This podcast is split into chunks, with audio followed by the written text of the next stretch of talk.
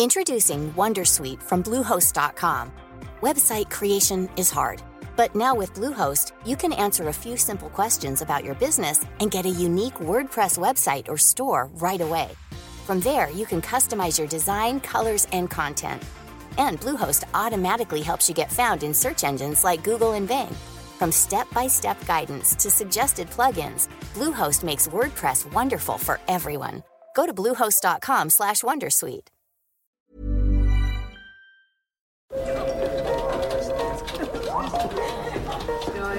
Dette er lyden av norsk næringsliv. Akkurat nå tas det små og store valg som kan bli avgjørende for fremtiden. Med økonomisystemet X-Leger tas disse beslutningene basert på informasjon i sanntid, slik at drømmer og ambisjoner kan bli virkelighet. Få kontroll og oversikt, gå inn på xledger.no. Denne sendingen er sponset av Xleger.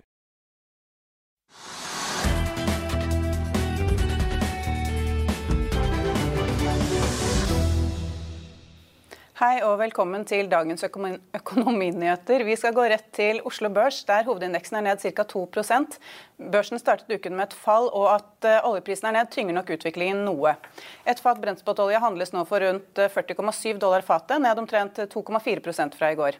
Det trekker nok selskaper som Equinor, Aker og Aker BP ned, der førstnevnte faller mest, med rundt 3% Men likevel er det vel sannsynligvis da økende koronasmitte i verden som tynger utviklingen mest, Trygve? Sannsynligvis. Altså hvis, det blir, altså hvis, det blir, enda verre enn det vi nå ser, og det er jo ille nok i Europa, i en rekke land hvor det er da portforbud og folk får bevege seg ja, Det er masse, masse, som skjer akkurat, og det er nye rekorder nesten hver dag. Hva var det for noe? Altså USA hadde 88 000 smittede på én dag. Frankrike altså hadde 50 000. Jeg kan nesten ikke fatte det. Men, eh, så, så, det tynger markedet, det er jeg helt sikker på. Folk er usikre på hva som skjer. og det er klart at Hvis man får nedstengninger og lavere aktivitet, så er det dårlig for næringslivet og dårlig for økonomien. Og det vil da påvirke aksjekursen etter hvert. Så, så, det er én ting og det andre. Men for Oslo Børs er også oljeprisen den, som jeg, jeg har snakket om det en del ganger de siste ukene, den tenderer nedover. Det ligger, som du sier, litt over 40 dollar per fat bare. Altså 45 eller 40,6 eller et sånt nå. Det tynger de aksjene på Oslo Børs som er liksom korrelert med oljeprisen. Det er oljeselskapene. Det er oljeselskapene. Så der ser vi et sig nedover. Så det, tre, og det tredje momentet er da korona og oljeprisen. Og det tredje momentet er da usikkerhet om da valget i USA. Det er bare én uke til. Og Ekspertene strides jo de som er det da best for aksjemarkedet og næringslivet at Trump får fortsette, eller at Biden overtar. Meningene er veldig delte. Eh, men det påvirker markedet. Det påvirker, så den usikkerheten som har kommet, den, det gjør at det er vanskelig å si hva som skjer. Unnskyld meg. Men det er jo da veldig mye rødt på Oslo Børs i dag. Det er jo nesten bare da uh, på topplisten, altså de som er mest omsatt, så er det nesten bare Scatec Solar og type Norsk Hydro som stiger. Ja, men Hydro er så bitte lite. Det betyr ikke noe. Men det er som du sier, det er rødt hele veien. De mest omsatte selskapene, da har vi Bergen Bio, som er et selskap som da utvikler medisiner eller behandlinger av kreftformer. Og Der er det et meglerfirma som anbefaler det ganske kraftig, og det er opp, opp 5-6 Det kan jeg forstå. Og, og Scatec Solar, som da gikk fra liksom solparker til også da vannkraft, det kan jeg også forstå. Men resten er rødt over hele fjæra. Eh, og det ser ikke pent ut. Det er, som du sier, det er ned over 2% I Europa også ned stort sett eh, ganske kraftig. Ikke så mye som Oslo ennå, faktisk. Uh, og jeg vil tippe, jeg har ikke sett hva som skjer i USA. Men, ja, for futuresene var i hvert fall ned, da, så ja. det så jo negativt så, så, ut. Så markedene er nede. Det er flere grunner til det. det er flere gode grunner til det. Så er det få, få ting som taler for at aksjen skal gå. Og da må man inn på de enkelte aksjene, ikke bare se på indeksen. Da må man se på de enkelte aksjene som Bergen Bio, hvis det er bra. Jeg kjenner ikke til det. Men det er iallfall anbefalt av en eller annen årsak. Kanskje noen nye tester, fase 3-tester som har gått bra. Og så skal Texolar gjøre mange ting riktig, men ok, så, så, kan man tro på det. Men så, da, så, ser vi at det er et press på oppdrettsaksjene, fordi at liksom, prisen på, på, på, på, fisken er ned, på vei nedover. Den er så vidt over 40 kroner per kilo. Uh, og Hvis den fortsetter ned, så vil det da tynge regnskapene til alle oppdrettsselskapene. Så den, der ser vi liksom at oppdrettsnæringen er på vei nedover. Så ser vi at oljeselskaper er liksom på vei nedover. Og så ser vi at Donald Trump påvirker valget med tullete uttalelser, og at han har kontroll med, med covid-19 osv. Det er bare tullball. Så da Spørsmålet om da liksom Donald Trump og Det hvite hus kan gjøre noe mot det, det er liksom da masse diskusjon om. Så Det er en såpass stor usikkerhet og mange negative ting at jeg forstår godt at markedene er litt negative. Men Du sa for da at uh, lakseselskapene er ned. Nå er Movi ned nesten 4% Men for så har vi da den Norcod som ble notert uh, for to uker siden. Uh, Riktignok på Merkur, da, men som driver med torskeoppdrett, de er jo opp nesten 10% Ja, men det er liksom, hva, hva, hvordan skal det gå med torskeoppdrett om etter to år frem i tid? Det har ikke jeg peiling på. De, de som har gjort det hittil, har tapt penger alle sammen. fordi at i de øyeblikket et anlegg for torskeoppdrett står der, skal ikke jeg liksom snakke de ned. Jeg bare sier at de, Når de står der og har investert masse penger, milliarder eller to, eller hva det måtte være, og så plutselig så er det da kjempeoverskudd av torsk fra Barentshavet og ned i Lofoten, og sånn, og så synker torskeprisen som en sten, og så er anleggene helt altså ulønnsomme. så Det er for komplisert. så at, Jeg har ikke regnet på det. Jeg bare sier at Det kan være at det var en riktig prising i Mercury Market, kanskje. Eh, men, men det er en tendens nedover da, til at altså, fisk generelt og laks er på vei nedover. Men når vi da snakker om Merkur Markets, så har det, jo, vært veldig mange børsnoteringer i det siste. og i dag så har Det gått, det er jo riktignok ganske lave volumer, men det har gått litt ned for noen av selskapene. Og I forrige uke så var det da tre selskaper som ble notert. Denne uken så er det også et par stykker. Men hvis vi da går inn i på en måte et negativt uh, børsmiljø, hva vil det ha å si for disse aksjenoteringene? Altså Det har jo vært så mye børsnoteringer i det siste. Ja, Det har vært for mange. og er, Alle skulle være grønne, ESG, og uh, mange har solgt seg inn på det. Og prisingen har vært liksom, Man gikk inn i tenkte at ja, nå skal vi kanskje hente 100 millioner til å utvikle et eller annet som er grønt og fint, og produsere et eller annet flott, en tjeneste eller vare. Uh, og så kommer de på Merkur, og så sier folk at skal det bare ha 100 millioner. Vi har tenkt å, å tegne for 500, vi. Og så, så det er en overkapitalisering til å begynne med. Altfor optimistiske ting sannsynligvis. Og det blir for mange selskaper på en gang. Og nå snur da den der, liksom, det snur. At nå er det litt treigere. Noen tenker seg om to ganger, og så tar de ikke en børsnotering i det hele tatt, fordi de regner med at prisen blir for lav. Bør ikke gjøre det. Andre sitter også og venter litt. Sier at nå, nå er det større kritisk søkelys på de selskapene. og man får mer debatt om de enkelte selskapene, om prisingen av disse selskapene. og Det har liksom vært litt for lett. Men kan man da ta tempen på det ved f.eks. For å se fordi Alle har snakket om at emisjonen i forkant har vært overtegnet mange ganger. Men kan man da ta tempen på det ved å se det? Altså, Hvor mange er det som er interessert, da? Ja da. ja, altså Det er så liten kontroll med de der Mercury. Det, liksom, det, er ingen informasjon som er krav på det. Altså, det synes jeg er vanskelig å si. Men jeg synes det positive er det at mange som da er engasjerte, har laget et ny, nytt produkt de tror på, de kan gå inn der og bli notert og få en prising som gjør en måte at de kan selge noen aksjer hvis de har brukt mye penger og de har ikke penger igjen. Eller de kan bruke en høyere aksjekurs til å ta en emisjon i markedet og få inn mer penger de egentlig hadde tenkt til å begynne med. Så det er positivt. Det er masse positivt, men markedet kommer til å være mer kritisk. Det er helt sikkert. Og så, da blir det ikke like lett å få en kursoppgang på 10-20-30-40 50 i løpet av en uke. Så da blir dette på en måte som et lite vindu, da, det som har vært nå, og så blir det strammere igjen? Ja det, ja, det blir strammere igjen. Det er jeg helt sikker på. Men øh, hvis vi da ser på noen av de aksjene som faktisk stiger i dag, så er jo da øh, Norwegian er jo opp da 2,6% og så øh, ja, ja, er altså, Quantafuel også opp 8, 70, 70 øre eller sånn nå. Ja, men så er Quantafuel også opp 8, Nei, det, det, faller 8% og det er jo litt mm. sånn festlig, for vi har snakket om det før, at kanskje Quantafuel er den nye Norwegian. ja, At det er på en måte en folkeaksje? Ja, altså, De hevder at de har noe som er helt eventyrlig. Det å ta gamle plastposer, som da verden har for mye av, og kjøre inn med lastebiler ton, tonnevis inn til en fabrikk, og ut i den andre enden kommer olje eller et annet eh, derivat av olje. eller sånt noe. Uh, hvis det går, og de, og de, får til og med betalt for å ta imot av denne gamle plasten, og hvis det går, så kan de tjene penger på det, men det gjenstår å se. Det de har fått til hittil, er en, en del av en liten fabrikk hvor de kan vise liksom at det går an å putte en plastpose inn i en enden, og så kommer det noe som drypper ut i den andre enden. At det går an. Men det gjenstår å se, og den blir altfor priset. altså Typisk godt eksempel på det du er inne på. det at De kom inn i markedet på Merkur, der fikk en kjempeprising. Og jeg husker ikke helt, men jeg tror kursen var oppe i 70 kroner eller sånn, 72 kroner. Og nå står den i 50 eller hva, ja, et eller annet sånt nå. Den har falt ganske kraftig, og, og nå, gjenstår, nå må de levere. For nå er folk veldig skeptiske. Vi kalte det en stund en, en boble. Det var kanskje ikke, jeg vet ikke. Eh, men det gjenstår å se. og, og da, Nå har de fått en trøkk. Det skal ganske mye til at de da får en opp, opptur igjen. Da må de ha noen tall å vise til. De må ha noen, så mye koster og så mye ble igjen. og, og liksom, ja, Du må gjøre sånn. og så kommer det noe ned igjen. Sånn som du spilte på stikk, kastet på stikka i gamle dager.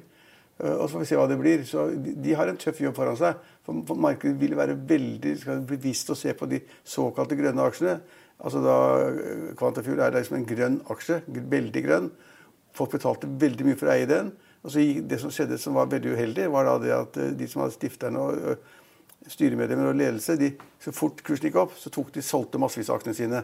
Sikkert for å sikre da, bli gjeldfrie, kjøpe nytt hus eller større bil eller hytte eller hva det måtte være. Bli sikret seg økonomisk. Det var ganske, sikkert ganske lurt, egentlig. Eh, men markedet liker jo ikke det i det hele tatt. De oppfattet det som et klart signal om at det kunne ikke gå høyere. For nå selger ledelsen ut. Og hvis ledelsen mente at kursen ville stige fordi at resultatene ble bra, så ville jo da ledelsen ikke selge. Da ville de sitte på de aksjene inntil de fikk enda mer. Og så kunne de da redusere gjelden siden. Så det der er nesten uløselig knute. Eh, men de sikret seg, og markedet likte ikke. Innsiderne solgte.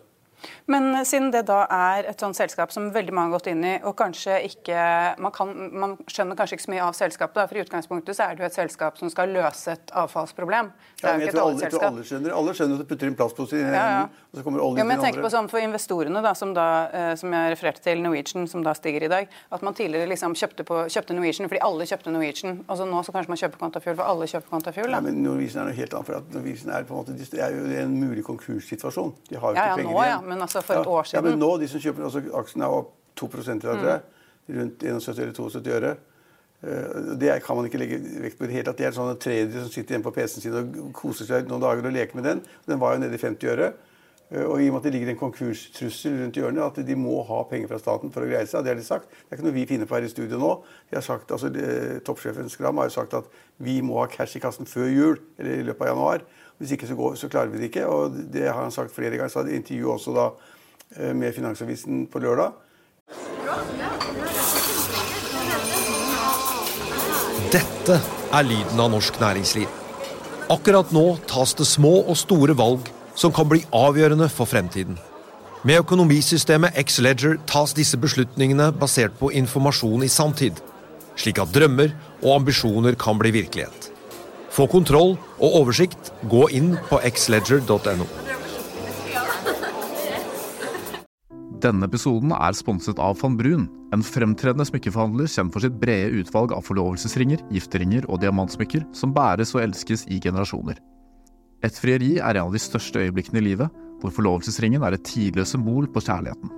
Valg av ring krever omtanke for både hvilket metall og diamant, med et bredt spekter av både naturlige og labdyrkede diamanter, og metaller som platina, gult gull, hvitt gull og roségull, hjelper de deg med å sette et personlig preg på din kjærlighetshistorie. Van Brun vil gjerne invitere deg til å prøve på tre av dine favorittringer fra nettsiden helt kostnadsfritt. Du kan også låne et bredt spekter av frieriringer, slik at du og din forlovede kan velge en ring sammen etter det store ja. Van Brun tilbyr 90 dagers åpent kjøp og 90 dagers gratis størrelsesjustering. Utforsk deres eksklusive sortiment i luksuriøse omgivelser. Book en konsultasjon sammen med en diamantekspert i deres showroom i Oslo. Eller online på vanbrun.com. V-a-n-b-r-u-u-n.com. Eh, slik at, eh, at den beveger seg sånn 2-3% opp og ned. Det kan skje når som helst. Men det er kanskje bare at ingen nyheter er gode nyheter? da? Kanskje man tenker sånn? ja, men det er, ja, men det er liksom, altså, Norwegian er nå en ikke-case, for de, de, kan ikke klare seg uten statlig hjelp. Private vil sannsynligvis ikke putte penger inn i Norwegian, og de har masse gjeld fortsatt. De har masse fly de er nødt til å bli kvitt, og de flyene kan de ikke bli kvitt. De kan ikke selge dem, for mange av de er leiet, leiet inn, så de må levere tilbake til utleieren. Eh, disse leasingselskapene. slik at jeg mener det er en utrolig vanskelig situasjon. Og så har det da kommet to nye selskaper. Bråtens og, og, og Wizz Air. så det er altså Etter at de to kom, så kan du si at Bråten har ikke begynt engang. Men altså, tidspunktet for å leie eller kjøpe fly er jo perfekt. altså det, Prisen for fly har vel aldri vært så lave de siste 100 åra som du får det for nå. Og det er ledige piloter og crew, andre crewmedlemmer overalt ikke sant, som sikkert tar en veldig lav lønn for å finne en jobb. De som har kanskje sparket i andre selskaper. til at de, de forutsetningene, nemlig at kostnadene, denne eh, terskelen for å begynne, er ganske lav. Men de har jo ingenting. Altså Det er liksom seks personer som står der og ser sånn, Dressmann liksom kjøper to for én. Altså det, er liksom sånn, eh, det, er, det, det er helt umulig. Mens Wizz er der. Jeg har vært der siden 2006. De kan jo bare sette opp en ny rute i morgen hvis de vil. Eh, så Norwegian og SAS får problemer med Wizz Air. Ja, hvis ikke da norske fagforeninger legger seg på rullebanen og nekter flyene å ta av. Men altså, så, så, så de er i en kjempevanskelig situasjon. og Det er ingen som vil sette penger på det nå. Ikke, eh, altså Nå skal det jo være en ny pressekonferanse fra mm, regjeringen om 20 minutter med nye eh, koronainnstramminger, sannsynligvis. Og vi har jo akkurat hørt eh, byrådet i Oslo som har kommet med sine nye hva skal jeg si, tilstramminger. Det går rykter, jeg er ikke helt sikker på hva de har sagt. Nei, men eh, vi som så pressekonferansen, vi fikk i hvert fall med oss noe. da. Og eh, det ser jo ikke veldig lovende ut for på en måte reise, altså reiselivsnæringen, restaurantbransjen, utelivsnæringen Nei. i det hele tatt. Nå vet, jeg, nå vet jeg ikke hva da de, altså statens regler for da bare restauranter blir, da, hvis de skal stenge klokka åtte om kvelden? Nei, de skal, altså fra klokken ti så får, Det er ikke lov til å slippe inn folk etter klokken ti, men de stenger klokken tolv. Så fra klokken ti til klokken tolv må du på en måte være på det samme stedet. da. Du kan ikke ja. bare hoppe rundt. Men Det var jo ikke rykter om at de skulle liksom forskyve da stengningstiden eh, enda tidligere, altså til åtte, men det gjør det da ikke. men Altså, vi, får, vi, får, nasjonale nå-krav som er ganske strenge. Det er jeg helt enig i. Det skrev jeg en leder om i, dag, i dagens avis, faktisk. Vil man strenge, strenge vilkår, så er det spørsmål om man klarer Man kan liksom ikke drepe hele reiselivsnæringen. Man kan ikke stenge alle hotellene, alle restaurantene, alle barene i Oslo. Da går de konk. altså Ni av ti går konk. og det er, vel, altså, det er sikkert noen som syns det er fint også, men jeg syns ikke det er fint. Det er jo et voldsomt inngripende tiltak. Og så kom det jo rykter da, eh, som vi snakket om rett før sendingen begynte, at uh, Raymond Johansen da når det gjelder Oslo uh, hadde stilt krav at, liksom, at man, måtte ha hjemmekontor. Hvis du ikke hadde hjemmekontor, så måtte du dokumentere hvorfor. og Så måtte du liksom ha en dialog med kommunen om det. Altså Hvis du skal få påbud om å ha hjemmekontor, ikke da en oppfordring til å ha det. Jeg vet ikke svaret. det får vi, Når jeg går ut av studiet, så ser vi det kanskje på nyhetsskjermene. Uh, men hvis det kommer et påbud, som noen tror de har kommet med det, VG slo det opp stort, at de hadde kommet et påbud, så er det en kjempeinngripende sak. At ikke folk skal få, altså Vi for eksempel, da, i pressen om vi skal få liksom bestemme at du må være eller du kan være hjemme, eller om IT-avdelingen kan få lov å være eller, være hjemme, eller vår tekniske avdeling som sørger for at systemene virker her. Det er masse teknikk i en vis. Det sitter ikke med sånn fjærpenn og skriver lenger. Og Hvis dette skal funke, så må vi gjøre ganske mye. og Der kommer jeg ikke til å spørre Ramon Johansen om hvordan vi skal gjøre det. Vi kommer til å gjøre det med det riktig for at avisen kommer ut. Men du har vel mer en oppfordring om at, eh, enda strengere oppfordring om at de som kan ha hjemmekontor, bør ha hjemmekontor, og at arbeidsgivere må kunne dokumentere ja, ja, om at de arbeidstakerne som er der, på en måte må være der. Da. Nei, Linn Marie, hvis, hvis er en oppfordring, så er det ikke noe problem. for Da vil jo folk eh, være enda mer bevisste hva de gjør, og jeg vil være bevisst på hvem som får være her på kontoret, hvem som kan være hjemme. og Vi har jo hatt perioder hvor 90% av journalistene i Finansavisen var hjemme. Ikke noe problem i det hele tatt. Det er masse som var hjemme. Men at det kommer et påbud om at liksom de skal være hjemmekontor, og det er bare unntaksvis at du får lov å ha folk på kontoret, det går ikke, mener jeg. Så det håper jeg ikke at det er. Og det tror ikke du. Du sier det er en oppfordring. Vi får se hva, vi får se hva de sier. Jeg tror man må tenke seg om at det er det som er uh, Men alle må tenke seg om. Har tenkt, altså her har vi tenkt oss om i et halvt år. Her har vi hatt altså, hjemmekontor altså i ABC Nyheter, som er rett under oss her. De har jo hatt 80-90% av folk hjemme hele tiden. Vi, I Finansavisen hadde vi redaksjonen hjemme mesteparten av redaksjonen hele tiden. Og så er det gradvis kommet tilbake igjen. Og så er det problemet at noen, noen vil ikke reise kollektivt, for de er redd for å bli smittet. Da kommer de ikke på kontoret av den grunnen. Og så skal alle kjøre bil i stedet, og da står alle bilene overalt hele tiden. Hvis du ser ut av vinduet her på kontoret nå, så står det overalt. Så det er masse konsekvenser. Og vi er opptatt av, at, jeg, er opptatt av, og det er skrevet i dag, at jeg mener strenge ting er nødvendig for å få denne øh, pandemien til å bli borte. Eh, men vi er heldig stilt i forhold til mange andre europeiske land. og Så må vi ta på riktige virkemidler. Og Nå begynner regjeringen klokka fire med sin pressekonferanse. Da skal de fortelle hva de kommer med. Eh, men hvis kombinasjonen av det pluss da Raymond Johansen i Oslo er liksom at de skal bestemme hvem som skal liksom styre IT-avdelingen her, det går ikke. Men så er det også det at eh, eh siden man da får disse restriksjonene, f.eks. utelivsbransjen og sånn, så eh, etterlyste han jo også eh, refusjonsordninger for dem. da. Ja, men det er et sånn veldig godt ikke... poeng. Altså Hvis de sier at restauranten skal stenge, da, for å ta et eksempel. Nå er det jo stengt delvis at det er jo bare 40 av kapasiteten igjen. Når de har målt opp en meter mellom alle bord og stoler, så er det jo ikke kapasiteten. Det er ikke mulig å drive. Men hvis man skulle komme i den situasjonen da, at alt stenges også i Oslo eller andre steder, eh, så må staten på en eller annen måte komme på banen da og refundere en del av de der faste kostnader de har, slik at de kan overleve så går det over ende alt som er. Og det er ganske surt for de som kanskje har jobba 10-15 år, 3-4, en familie som har jobbet opp da, så er det kanskje to restauranter, to barer eller to puber eller hva det måtte være. Eh, og så går det over ende fordi man får et påbud om at de man får ikke være oppe etter klokka ti. Eller, eller, ikke få lov for nye folk da, som du sier, mellom klokka ti og tolv. Eh, det er, sikkert, det er mulig at det er fint, og det er mulig at det redder oss fra undergangen. Men, men, det er ganske, ganske, ille for de som driver med dette her. Og oppover hele kysten så er det jo da reiselivsbedrifter som da er helt avhengig av eh, utlendinger på den tiden av året. Vi nordmenn vi jobber jo, vi, jobber, vi ferierer bare i, i, i juli og litt i august. Og nå skulle alle utlendingene vært der. De kommer ikke. Og skistedene rundt om i landet jeg, jeg, jeg, Skistedene på Hafjell og Kvitfjell og Beitostølen og Hemsedal de regner med at ingen utlendinger kommer. De utgjør en stor andel av markedet om vinteren. Men hvis ikke noen kommer, for hvis de kommer hit, så må de ha ti dagers karantene. Så går altså økonomien ad undas for da en så stor del av reiselivsnæringen at vi kan nesten ikke tro det. Og da kommer som du sier, kravene inn om at liksom, kompenserende tiltak eller liksom da, Hvis staten stenger, så må staten bidra med det. Og det har staten gjort. ganske bra, syns jeg. Vært ganske gode til å pøse ut penger. Jeg har fått kritikk for det også. Eh, men, men, det ser ut som nå at nå er man så redd for å komme inn i bølge to, sånn som vi ser den der i resten av Europa, at eh, tiltakene kanskje kan bli litt snåle. Men så har de også sagt at det skal bli strengere for uh, folk som kommer, altså gjestearbeidere fra andre land. Med strengere sånn karanteneregler og tiltak ved, på luftplassen. Det skjønner jeg veldig godt. Ja, det, men det er jo et, altså, altså vi, det er jo reglene... så vidt, Dette er komplisert, da, men så vidt jeg har forstått reglene hittil altså liksom Polakker da, som jobber i Norge, har jobb her, har familie i Polen. og så er de hjemme og besøker familien av en eller annen grunn. Det er jo flyselskaper og flyruter hele tiden. Og når de kommer tilbake, så har de ikke sittet i karantene i ti dager. De har sittet i sånn, sånn halvveiskarantene eller ikke-karantene. Ja, det er vel sånn at Du må legge, legge frem en negativ test, tror jeg. Ja, iallfall så har det ikke vært karantene. Det har ikke vært sånn karantene. Men helsemyndighetene nå sier at hvis du har vært i Polen, og der er det så mange som smittet for tiden at det er helt krise, kommer du til Norge, så skal du karantene. Det er bra. Men hva har det å si for norsk økonomi? Ja, det er, altså hvis, eh, hvis bedriften ikke får arbeidsfolk, så er det et problem. Det var det samme som det var uh, mange utlendinger i, i bøndenes jordbæråkre og plukket jordbær. ikke sant? Og da holdt det på å stoppe opp fordi at det da Uh, hadde ingen som plukket jordbær? Ingen plukket jordbær, fordi at de som var der, fikk betalt for lite. og da, Opinionen var der mot de som plukket, og bøndene som hadde ansatt opp. Så altså jeg, jeg, jeg, jeg vil jo, vi, har, vi har over 5 ledighet her i landet. da. Jeg tror den er på 5,4% akkurat nå. Og det er 153 000 personer, hvis jeg husker rett.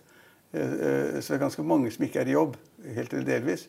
Så om da noen polakker da ikke gidder komme til Norge fordi de må sitte i karantene, så får vi fylle opp med nordmenn. Og så var det da også dette med at man skal begrense den sosiale omgangen til ti personer per uke. Det er kanskje positivt? Negativt?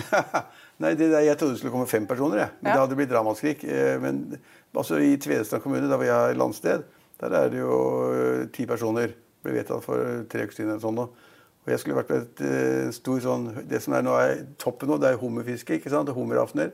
Jeg skulle vært der forrige lørdag. Den 17. var det vel. Og da, det var en lørdag. Torsdagen før så bestemte Tvedestrand kommune at sosialt samarbeid måtte ikke da Da måtte ikke være mer enn ti personer. Ja, og Vi skulle være 13, så da blir det Sånn er det. Men det er ti personer i uken, da? Det er ikke ti personer på hvert sted? Ti personer i uken? Mm, det var en oppfordring til at man ikke skulle omgås med mer enn ti personer i uken. Bortsett fra din egen husstand og sånn type barnehage, ja, skole. Ja, ok, I Tvedestrand og i en del andre kommuner så har det vært samtidig. ikke sant? Ikke ja, ja, men det har det vært her også. Ja. Ja, har det vært det her òg? Bare i ja. Oslo? Var det, ja, ja. Du har ikke vært sammen Men, men, men det, her kommer det masse kompliserte ting. Altså, Jeg er ikke noen ekspert på det, men her, eh, her kommer det masse kompliserte ting. Liksom, hvor mange mennesker kan du ha da i en konfirmasjon eller en begravelse osv.? Det er da mange som kommer til å få kjempe... Eh, så Det er litt avhengig av hva de bestemmer. Det kan komme masse rart i dag, så det gjelder bare å følge med. Ja, Da får vi se hva som skjer der. og hvor mye det blir hjemmekontor på alle fremover her i Hegnar Media. Og I Finansavisen i morgen kan du lese Trygve Hegnars leder om at regjeringen vil kutte i dagpengesatsen, og Aps svar på det. Du kan lese om Jan Petter Sissener som advarer mot enkelte grønne aksjer, og du kan lese om investeringsmuligheten Norcod. Og Det var det vi hadde i dag. Vi er tilbake i morgen klokken halv fire. Vi ses. Ha en fin og smittefri kveld.